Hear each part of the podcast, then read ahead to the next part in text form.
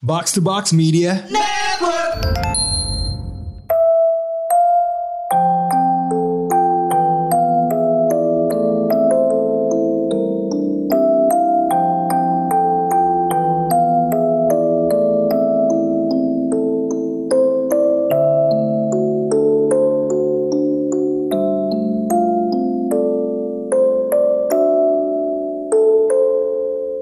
Konnichiwa.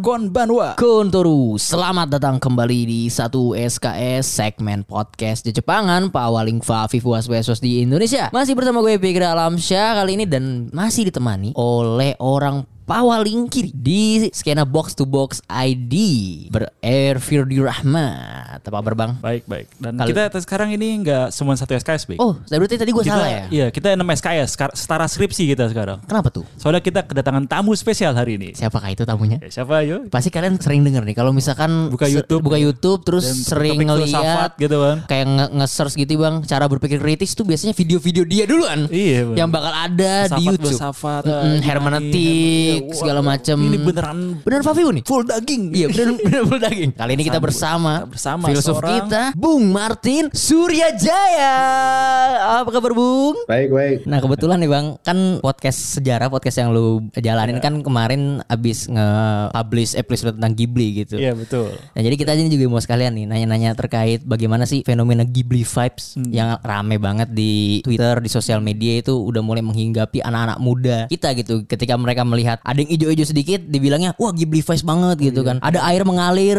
Oh, Di meskipun got, ya. keruh di got gitu dibilang wah sangat Ghibli vibes sekali Ada gitu kan. banjir di rel kereta, wah spirited away. Gitu kan. Jadi kita tuh penasaran banget eh, Bung Martin kan Bung Martin apalagi eh, juga salah satu orang yang sangat dekat sekali dengan estetika gitu kan dan ini juga berhubungan dengan Filsafat bagaimana estetika ya. anak-anak muda zaman sekarang tuh entah kenapa entah itu bentuk kekaguman semata atau memang betul-betul mereka merindukan ke alam gitu kan. Iya, Bung Martin gimana, Nah. Bung? Terhadap animenya gitu. Hmm, hmm.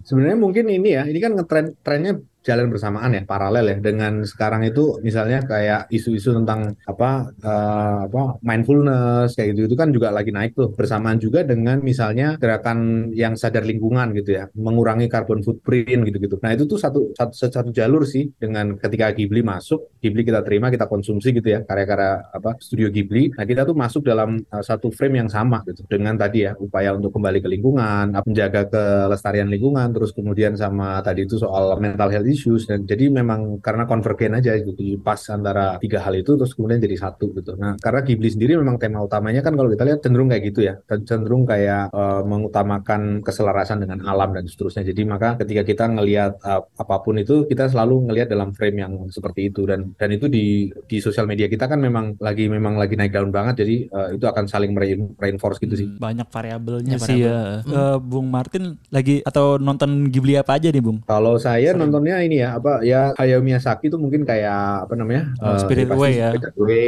uh, My Neighbor Totoro tapi udah agak lama tuh Totoro nontonnya jadi agak-agak lupa. Terus uh, Hmm. yang- Kiki Delivery Service gitu terus ada apa The Cat Returns itu dia juga ya atau Hmm. terus uh, sama satu yang uh, itu kan yang kayak Hayao Miyazaki ya tapi yang yang saya lebih apa ya lebih suka Oh, itu adalah bukan bukan karyanya Hayao sih Hmm. Siapa kayak Grave of the Fireflies. Oh. Oh, iya. Itu, itu keren banget sih. Arti artinya Sedih tuh, sih. saya nonton itu waktu kuliah dulu ya. Pertama kali nonton itu dari sutradara itu. Itu kan dia bisa menceritakan bagaimana ke situasi Perang Dunia Kedua di di Jepang di Tokyo gitu kalau nggak salah ya. Dari sudut pandang anak kecil dengan usaha mereka untuk uh, tetap bisa survive di tengah situasi yang kacau kayak gitu ya. Yang yang uh, digambarkan secara realis. Nah, sebetulnya kalau misalnya kita ngomongin Grave of the Fireflies ya, eh, Bung Martin. Menariknya kan sebenarnya kan ini kan cerita Isao Takahata tentang memori kolektifnya dia gitu kan. Dan dia dan ia juga kan juga merasakan bagaimana kondisi perang di masa lalu yang sangat menyedihkan, menyengsarakan dan juga tidak baik untuk kebaikan umat manusia gitu. Ada nggak sih sebetulnya bagaimana kita bisa melihat eh, apakah se- eh, memori kolektif itu juga termasuk ke dalam romantisisme yang didambakan gitu oleh masyarakat zaman sekarang kayak misalkan ketika kita merindukan keperdamaian, merindukan hal-hal yang sifatnya cinta damai begitu Bung. Ada nggak sih keselarasan romantisisme dengan hal-hal yang sifatnya seperti itu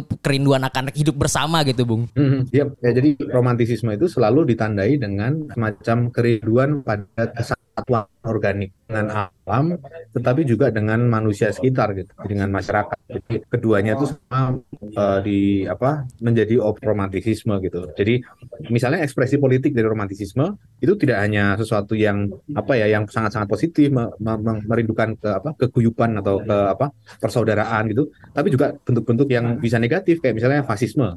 Fasisme itu juga ekspresi dari romantisisme. Hitler misalnya orang seperti Adolf Hitler itu kan, yang ya dia memuja sekali kesatuan dengan rakyat gitu ya. Rakyat itu dibayangkan sebagai satu tubuh organik gitu ya, seperti alam gitu. Ketika dia mengekspresikan apa ideologinya itu selalu dalam rangka apa namanya kayak uh, ingin kembali pada Jerman kuno sebelum zaman modern masuk, sebelum sebelum adanya kapitalisme dan seterusnya gitu ya. Ya itu romantisisme juga. Jadi dalam arti itu bisa dibilang ingin kembali pada kesatuan dengan alam dan dengan masyarakat bukan bukan hal yang sepenuhnya positif ya bisa jadi bisa bisa juga jadi negatif. Nah, gitu.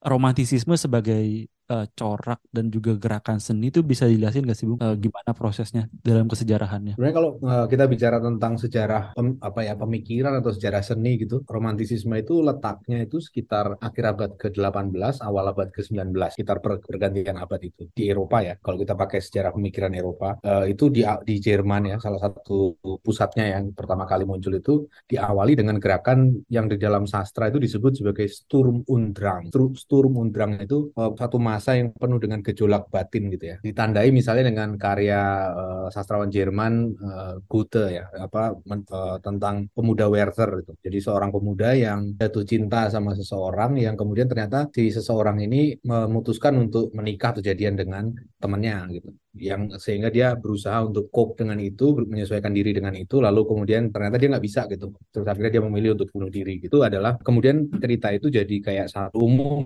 dan bagi romantisisme atau gerakan Sturm und Drang di berbagai tempat. Jadi orang-orang meniru berpakaian seperti Werther meniru uh, bersikap apa me, me, mengalami ingin mengalami ketragi, ketragisan hidup kayak Werther dan seterusnya. Nah itu asal usulnya sebetulnya itu sih apa pengalaman cinta tentang akan sesuatu yang nggak pernah bisa kesampaian gitu. Nah itu adalah esensi utama dari yang kemudian berkembang menjadi gerakan romantisisme di Eropa. Jadi kayak macam uh, apa keinginan akan sesuatu yang nggak bisa digapai. Jadi sesuatu yang secara hakiki itu nggak pernah bisa kita sampai gitu. Jadi misalnya cinta sejati atau apa. Jadi mereka itu para penganut atau orang yang mendalami atau menyukai romantisisme itu adalah selalu itu selalu uh, menggapai-gapai sesuatu yang nggak pernah kesampaian gitu. Nah itu yang kemudian muncul di mana-mana dalam ekspresinya dalam film, uh, dalam musik, dalam apa namanya pertunjukan, dalam sastra tentu saja ya, dalam seni rupa juga gitu. Jadi uh, apa semacam keinginan untuk mencapai sesuatu yang sebenarnya nggak bisa nggak pernah bisa di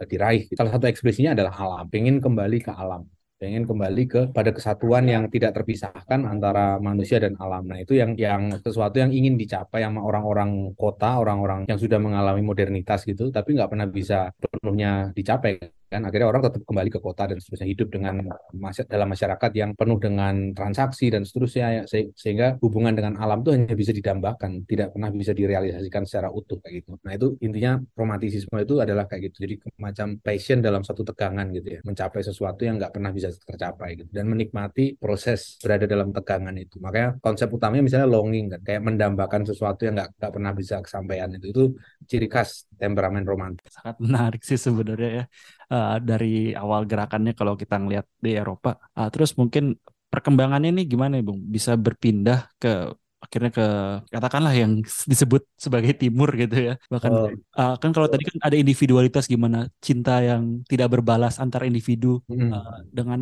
di timur apakah ada persamaan atau perbedaannya gitu? Hmm, kalau konteksnya agak sedikit beda walaupun ada yang sama ya. Kalau di Eropa kan tadi ya eh, romantisisme muncul dari gerakan Sturm und Drang yang tidak akan pernah bisa muncul tanpa individualisme. Jadi prasyarat utamanya adalah individualisme. Kalau di timur agak lain ya. Jadi kalau di di dalam konteks timur uh, agak sedikit berbeda dalam dalam pengertian te ada tegangan antara nature versus culture ya antara alam dan kebudayaan gitu. Dan yang itu yang membuatnya sedikit berbeda dengan yang barat karena di barat tuh ada urusan tadi individualitas itu tadi. Yang di timur itu nggak jadi satu isu kan. Di dalam uh, konteks Jepang itu kalau kita tempatkan uh, ketegangan antara nature versus culture itu artinya adalah ketegangan antara budayaan yang diwariskan dari Cina ya. Jadi Jepang kan mengimpor kebudayaan Cina pada dasarnya kan mengimpor berbagai macam uh, upacara, ritual, bahkan huruf kan. Huruf mereka kan aksaranya kan juga didapat dari Cina gitu. Mereka memodelkan apa yang disebut berbudaya itu sebagai berlaku seperti orang Cina gitu. Nah sedangkan mereka sendiri secara inheren punya satu cara hidup yang berbeda gitu yang agak lain dengan cara hidup masyarakat Cina yang penuh dengan hierarki sosial dengan apa sopan santun yang ter yang apa ya yang sudah dikodifikasi gitu. Nah itu yang kemudian uh, di di Jepang menemukan ekspresinya misalnya dalam keyakinan Sintoisme gitu ya kepercayaan pada alam sebagai suatu tenaga uh, ilahiyah gitu ya. Jadi bahwa kekuatan ilahi itu ada di alam sekitar, di benda-benda mati, di hutan, di pohon, di air, sungai dan seterusnya itu. Sesuatu yang tidak pernah bisa dibudayakan gitu, yang nggak bisa dikendalikan lewat kebudayaan. Nah, ketegangan antara nature versus culture inilah yang kemudian di Jepang itu dipecahkan dengan misalnya uh, ekspresi yang sifatnya dalam misalnya dalam Buddhisme ada Zen gitu ya kayak apa kepercayaan pada apa uh, bahwa segala yang bersifat kebudayaan itu tidak memecahkan semua persoalan gitu misalnya dalam bentuk yang sangat-sangat praktis itu ada kayak uh, filosofi yang disebut sebagai wabi sabi. Wabi sabi itu uh, artinya adalah menerima ketidaksempurnaan gitu. Misalnya uh, wabi sabi ini ter tercermin misalnya dalam praktik seremoni minum teh kan. Upacara minum teh di Jepang itu kan kalau modelnya sebetulnya diambil dari Cina ya. Jadi namanya upacara minum teh itu kan upacara yang penuh culture kan.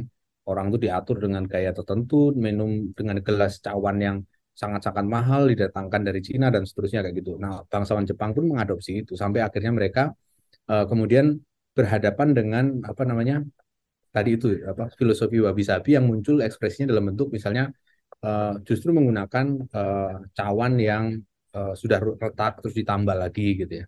Jadi yang kita um, di dalam di tradisi Jepang disebut sebagai kintsugi. Jadi uh, upaya untuk mereparasi cawan upacara minum teh yang pecah tapi ditambal dengan laker emas yang mahal ya. Jadi bisa dibayangkan sesuatu yang rusak ditambal dengan sesuatu yang sangat-sangat mahal gitu ya. Nah ini kan cerminan dari tadi itu ya sikap menghargai alam, menghargai sesuatu yang uh, apa namanya nggak nggak nggak berasal dari culture gitu, sesuatu yang justru menghargai ya, apa sesuatu yang hancur, yang yang berantakan itu justru dihargai sebagai hal penting dari hidup. Nah itu adalah suatu mindset yang romantik jelas ya, apa mengakui apa kecintaan terhadap reruntuhan gitu. Itu itu benang merah yang membuat uh, tradisi romantik di Jepang agak mirip dengan tradisi romantik di Eropa ya dalam hal kalau di Eropa kan sama ya orang penyair seperti Lord Byron itu dari Inggris senang sekali berkeliling berkunjung ke reruntuhan puing-puing Yunani gitu. Pilar-pilar yang sudah ambruk segala macam itu. Dia menerimanya sebagai satu bukti bagaimana culture itu akhirnya ditundukkan oleh nature gitu ya, ditundukkan oleh alam gitu. Nah, dalam hal itu ada kemiripan, tapi kalau dalam ekspresinya di Eropa itu jelas adalah akarnya dari individualisme. Jadi bagaimana kita bisa mengekspresikan diri kita yang otentik, berbeda dari orang lain dan seterusnya. Kalau dalam tradisi Jepang persoalannya bukan individualisme, tapi lebih bagaimana kita mencapai kesatuan dengan alam yang tidak terkontaminasi oleh culture, oleh teknologi, oleh apa pun itu. Kayak gitu sih. Kalau Bung Martin juga udah nyinggung soal Jepang, soal romantisisme benang merahnya dari Eropa dan Timur. Dan kebetulan baru rewatch beberapa film Ghibli kan ya. Ada nggak Bung yang ditemukan setelah rewatch itu kayak, wah iya ini ada beberapa nilai tadi yang udah disebutin soal gimana spirit ada di sungai, ada di, di itu. Menonjol gak sih Bung unsur-unsur romantisisme di Ghibli itu? Ya kalau misalnya ya paling film Ghibli yang paling populer, paling artinya paling orang banyak paling paling banyak tonton itu kan Spirited Away kan uh, itu kan kelihatan banget di situ bagaimana seorang anak perempuan berlibur bersama keluarganya terus akhirnya masuk ke dalam satu dunia arwah gitu ya katakanlah seperti itu di sana di mana dia bertemu dengan berbagai macam makhluk ajaib dari dunia itu gitu. Yang munculnya ekspresinya itu dari alam sekitar gitu ya. Ketika ada binatang berbentuk apa ada berubah menjadi apa dan seterusnya. Nah uh, itu adalah uh, paling eksplisit dari penggambaran keyakinan Shinto itu tadi ya apa ekspresi dari keyakinan bahwa segala sesuatu di sekitar kita itu memiliki tidak hanya manusia. Jadi kalau orang-orang di dalam konteks ilmu sosial sekarang biasa ngomong tentang non-human ya, dimensi non-manusia dari persoalan realitas kita sekitar itu, Ghibli sudah sudah mengekspresikan itu jauh-jauh hari ya, karena dia sebetulnya berangkat dari uh, modal budayanya yaitu tadi tradisi Sintoisme itu. Dan itu bukan hanya tercermin dalam film-film Ghibli yang bersifat uh, fantasi seperti film-filmnya Hayao Miyazaki. Banyak memang dia kalau dia bikin film kan cenderung seperti itu ya, sifatnya lebih apa fantasi gitu ya, melibatkan makhluk-makhluk ajaib. Tapi juga Ghibli kan juga juga ada beberapa dua sutradara lain yang yang ada yang coraknya lebih realis ya. Uh, misalnya kemarin itu saya nonton Only Yesterday. Kalau Only Yesterday malah genre-nya josei kan untuk perempuan dewasa. Oh, Jose gitu. ya bukan, benar benar. Hmm. bukan anak-anak gitu ya. Yang dia lama lama tidak di- disuruh ibunya kawin gitu kan. Hmm. Iya, ya si- ya kayak si gitulah di Isao di itu. di donder suruh kawin suruh kawin gitu cuman kan akhirnya dia akhirnya pergi ke desa gitu kan Nah, Ya, itu iya, itu iya. juga sudut pandang yang menarik artinya bagaimana masa lalu kenangan itu dijahit bareng dengan kekiniannya si si tokoh perempuan itu gitu nah itu itu menurut saya itu satu bentuk apa ya penggambaran Ghibli yang lebih keren daripada Hayao sih. Karena dia pakai pen- pen- penceritaannya kan lebih realis ya. Kalau Hayao Miyazaki kan lebih kayak cerita fantasi gitu. Only Yesterday itu adalah satu film tentang di tahun 80-an ya kalau nggak salah. Dia rilis eh, jadi sebenarnya di develop tahun 80-an akhir rilis tahun 91 kalau nah itu tuh eh, bercerita tentang seorang perempuan yang eh, sampai dengan usia 27 tahun masih membujang di di mana di Tokyo gitu. Kemudian pulang ke kampung halaman eh, kakak iparnya atau apa semacam itu ya. Di sana dia kemudian ber- ber- bertani bersama warga desa dan seterusnya sampai akhirnya dia memutuskan untuk menjadi orang desa gitu. Nah itu adalah juga ekspresi yang sama. Jadi kecintaan terhadap keinginan untuk kembali dengan kepada alam keluar dari hiruk pikuk kota Tokyo yang sangat materialistis penuh dengan teknologi dan seterusnya itu kayak semacam apa ya motif dasar dari eh, film-filmnya di dalam studio Ghibli itu. Bukan hanya di Hayao Miyazaki gitu. dalam bentuk yang fantastis ataupun yang realis ada apa eh, cerminan dari hasrat yang sama itu kembali ke sesuatu yang original gitu sesuatu yang tidak ditutup-tutupi oleh teknologi atau oleh etiket-etiket orang kerja dan seterusnya. Jadi kayak mau kembali pada satu hal yang asli seperti itu. Nah itu aku pikir gejala umum lah di dalam film-filmnya Ghibli, semacam ada semangat romantik seperti itu. Eh, tapi tadi Takahata ya, saya juga Ya, kata. ini sih menarik eh, adaptasi tadi eh, googling beberapa ya. Ada satu anime yang favorit gue juga pik sebenarnya. Pompoko. Pompoko. Rubah-rubah menolak gentrifikasi, menolak penggusuran. Oh, gitu. Iya, iya. Rubah-rubah. itu yang ini ya rakun ya? Iya, iya, nggak salah. iya, iya, Ya, rakun, rakun, ya, ya, rakun, rakun, rakun, rakun. rakun. Tanuki, Pompoko. Tanuki, Dan kan. dia juga pernah satu juga ada tales tradisional Princess of Kaguya. Hotel of Princess of Ya, Kaguya. iya, iya. sangat handal dan itu pakai cat air beneran apa kayak wah bagus Iya, banget sih iya. emang. Kalau. Takahata memang ciri khasnya kalau nggak salah emang sering cat air kan di Hmm, Only iya, Yesterday iya, dia juga iya. banyak Hmm. pakai cat air untuk adegan masa lalunya itu. Hmm. Tapi mungkin eh, pengalamannya Bung Martin sendiri ketika menonton Ghibli itu ada nggak sih Bung kayak melihat situasi-situasi isu-isu yang relate banget gitu dengan keadaan kita sekarang gitu yang ingin disampaikan dan masih relevan. Kalau kalau Ghibli itu banyak sih ya, artinya dia itu bisa dikonsumsi oleh ba- banyak usia kan. Segmennya itu dia Hmm. bisa ditonton sama anak, bisa juga ditonton sama orang tuanya si anak gitu. Hmm. Karena dua-duanya sama-sama bisa menarik satu apa ya cerita atau pesan tertentu dari film itu. Karena kan eh, ya karena itu ya sifat yang sangat-sangat humanis gitu ya dari film-film itu. Artinya misalnya kayak pentingnya merawat kenangan dan seterusnya itu kan juga kelihatan ya. Kalau kita nonton apa namanya kayak yang tadi contohnya Only Yesterday itu bagaimana si perempuan itu selalu dikunjungi oleh ingatan dari masa lalunya ketika dia Hmm. umur 10 tahun gitu. Hmm. Itu kan sesuatu yang kayak ya sebetulnya kalau kalau kita menjalani hidup itu dalam menentukan menentukan pilihan-pilihan kita masa kini itu sebetulnya juga kita perlu juga merefleksikan kayak pengalaman kita waktu kecil melihat dari sudut pandang anak-anak kayak gitu-gitu. Itu kan satu cara pandang yang lain ya yang ditawarkan oleh uh, studio Ghibli di, di dalam banyak filmnya ya. Kenapa dia mengambil genre apa film anak-anak gitu. Walaupun bisa ditonton oleh orang tua itu kan sebetulnya juga semacam ajakan untuk ngelihat bahwa duduk persoalan dunia sekarang ini yang ruwet segala macam ini sebetulnya juga bisa dilihat dari sudut pandang anak-anak gitu yang mungkin bisa lebih kita bisa lebih kreatif dalam melihat itu dan seterusnya. Jadi beda dengan misalnya kayak eh, film-film atau anime atau manga yang lain ya yang yang rata-rata memang misalnya terutama yang shonen ya itu kan menekankan pada action dan seterusnya. Nah, sedangkan kalau yang yang dihadirkan oleh Ghibli itu kan ada dimensi semacam hal eh, oleh berbagai hal yang ada di film itu tanpa tanpa mengikuti cerita yang cenderung apa eh, apa namanya konfrontasional atau penuh Hmm. dengan aksi gitu kan cenderung Iya eh, sih. banyak film-filmnya justru datar ya Only Yesterday Iya. itu misalnya datar Mungkin cuman ini doang sih itu yang Princess Mononoke. bosan kan Ya. Yang action tuh banyak di Princess Hmm. Mononoke sih ya yang Hmm. ber- bertarung dengan beberapa ya ya betul betul itu ya. yang ada serigala itu ya Iya serigala iya raksasa serigala. itu. itu. Eh, sebenarnya sih salah satu poin yang menarik untuk dipertanyakan ketika kita membicarakan Ghibli adalah bagaimana Ghibli ini belum ada film yang menceritakan perspektif dari kolonialisme Jepang, Iya, Bung gitu, selama Bung. ini Jadi kan selama ini perang Perang, perang, ya. perspektifnya kan paling kayak mereka menceritakan perang itu buruk gitu kan. Tapi buruk, perspektifnya anti kadang-kadang dan menempatkan Jepang sebagai innocent lah Iya, istilahnya nah gitu itu kan. dalam beberapa jurnal tuh ada yang mengkritik bahwa sebetulnya nih film-film Ghibli ini kok rasanya ingin mencoba menghapus dosa masa lalu Jepang gitu kan. Sebenarnya Bung Bung, Martin melihatnya seperti gitu itu ya? apa enggak gak sih Bung? Ya ya. Eh, saya itu barusan berapa la- la- lama ya, eh, berapa waktu yang lalu itu sempat nonton ini eh, The Wind Rises itu loh, Oh iya iya iya. Oh, yang iya, iya. tentang ah, Kapal, pesawat, pesawat, di- iya. Pesawat. dari Habibie ya. Ghibli kan, siapa namanya? Dia Jiro, Jiro, Jiro. Zero ya. ya Zero ya Zero ya. Nah itu itu kaget sih nonton itu karena ini kan sesuatu yang sangat-sangat apa ya dampaknya itu buat Asia misalnya itu kan Hmm, iya. berdarah-darah banget ya Hmm. pesawat terbang yang dipakai untuk kolonial eh, imperialisme Jepang kan di masa Perang Dunia Kedua kan secara efektif digunakan untuk membunuh begitu banyak orang gitu. Tapi di situ diceritakan dari sudut pandang kis, eh, apa, proses kreatif ya, proses kreatif menciptakan mesin perang itu, mesin pembunuh itu, Hmm. yang seolah-olah itu kayak whitewashing kan akhirnya kan. Hmm, iya, iya, iya. Mencuci. dari apa pesawat itu tiba-tiba hilang karena ini ternyata ini oh ini satu pursuit yang sifatnya murni untuk satu hal satu visi estetis atau apa gitu ya. Jadi memang ada kecenderungan kayak gitunya sih kalau kita ngelihat di apa film-film eh, Ghibli kadang-kadang juga eh, terutama di film itu ya eh, apa namanya yang contohnya tadi Wind, The Wind Rises itu. Iya. Da- Walaupun memang dia kayak mencoba menutupin uh, uh, suasana whitewashing itu itu dengan me- me- me- menyambungkannya dengan cerita di ini kan cerita penemu apa pesawat Iya. terbang di Italia di Hmm, tempat lain. Jadi seolah-olah ini pencarian atas satu karya seni gitu, keindahan dan seterusnya yang kemudian disalahgunakan dan seterusnya. Jadi ya uh, memang ada unsur kayak gitunya, ada semacam melupakan kekejaman Jepang di Perang Dunia Kedua, tetapi sebetulnya itu juga di sisi lain eh, apa namanya rasanya itu ta- tadi ya dikait bisa dikaitkan dengan apa eh, cerminan dari apa kultur khas Jepang dalam me- me- mengapresiasi Ini- sesuatu yang dikerjakan dengan sungguh-sungguh gitu. Hmm. Artinya bahkan kehidupan sehari-hari pun itu di, bisa dinilai dengan sangat-sangat tinggi asalkan di- dikerjakan dengan serius dan seterusnya. Kalau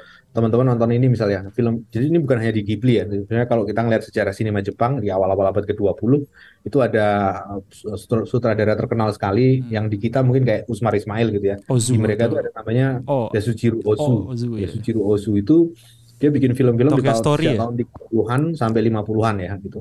Dan itu eh, film-filmnya men- mencerminkan ya outlook yang kalau teman-teman suka Ghibli mestinya suka itu juga Hmm, karena iya. dia itu memuja kese- keseharian, kesederhanaan, sesuatu yang dikerjakan. Jadi yang sesuatu yang biasa tapi dikerjakan dengan sungguh-sungguh gitu ya. Nah, itu itu itu hal yang yang apa namanya yang yang juga bisa kita temukan benang merahnya ya. Walaupun ya tadi itu ya ketika kita bicara tentang narasi sejarah tentang perang itu sudut pandangnya selalu domestik sih. Seringkali iya. dari Masih domestik. perang Jepang gitu. Dan, Dan- ini juga sih Bung kalau soal eh, Miyazaki ya. Dia kayaknya emang punya semacam fetish dengan pesawat terbang gitu. Dengan hal-hal aviasi ya.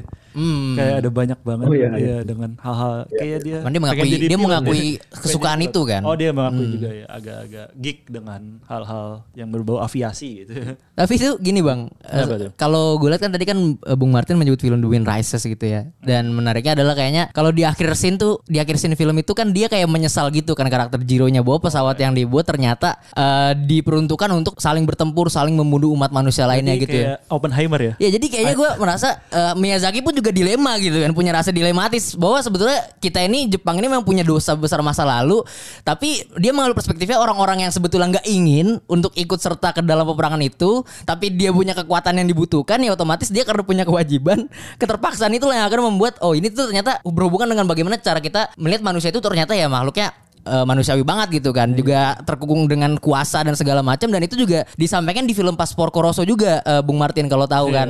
Nah itu kan juga Lebih tuh si pilot menjadi- itu kan. lebih baik menjadi babi Iya. daripada jadi fasis. walaupun dia mengkritik fasisme tapi dia juga ikut serta sebagai prajurit or- orang-orang fasis juga Iya, gitu kan karena keterpaksaan Iya, itu. karena- jadi ada rasa dilema itu juga yang disampaikan oleh Miyazaki. Miyazaki berarti kalau itu gue liat kayak Oppenheimer. Dia bilang now I became uh, now I am become that the destroyer of the world. Terus ini juga sih apa? Iya iya. Dan itu kalau kita ngeliat ke komik-komik Jepang zaman dulu kan juga kayak gitu ya. Apa Ya, ada iya. kayak semacam Lama. dilema kan. Ya kayak eh, Barefoot Gen ya kalau eh Barefoot Barefoot Gen tuh mirip-mirip. baca Astro Astro Boy ya Oh Astro Ah. Boy. ya. tentang bagaimana robot manusia tapi kan itu kan juga ada tema yang mirip ya antara artinya menghancurkan kehidupan manusia artinya jadi perang dan seterusnya tema-tema tentang nuklir itu kan masuk ke situ kan. Hmm. tapi di sisi lain juga ada sisi kemanusiaannya gitu. Persaudaraan antar manusia lintas bangsa gitu gitu. Jadi ada kayak tegangan antara itu sih. Kalau eh, itu kayaknya bukan hanya di Ghibli-nya tapi memang dari, Dari sejarah se apa, skenanya, Jepangnya skena itu. Jepang. Nah, ini ini menarik sebenarnya Bang kalau kita tarik kesimpulan Bang. Romantisisme Ghibli itu bukan cuma sekedar kebun-kebun hijau sebetulnya. Iya. Tapi punya values yang lebih dalam gitu kan dari ini. Kayak misalnya tadi politik. wacana politik, perlawan terhadap fasisme gitu kan, keinginan kembali kepada eh, ilahiyah gitu kan. Kehidupan yang Heeh. teratur. itu. Iya, jadi gitu jangan gitu. cuman anda anda semua nih ngeliat yang hijau-hijau di tweet Ghibli Five jangan gitu. Kesian yang ngebuat Hayao Miyazaki udah kalau ngelihat ada misalkan orang berserikat, wah ini Iya, Ghibli wah, vibes. Nah, itu benar itu tuh ya kan. Soalnya nggak nggak cuma sekadar anda lihat ijo-ijo air mengalir deras itu Ghibli vibes kesian oh, kayak Miyazaki, Isao Takahata. Capek-capek menulis gitu. Capek-capek menulis mempunyai gagasan, riset Jatuhnya segala macam. Kebun Raya Bogor. Nah, tapi kebun raya. Bogor ada sedikit lah dibilang Ghibli gitu kan.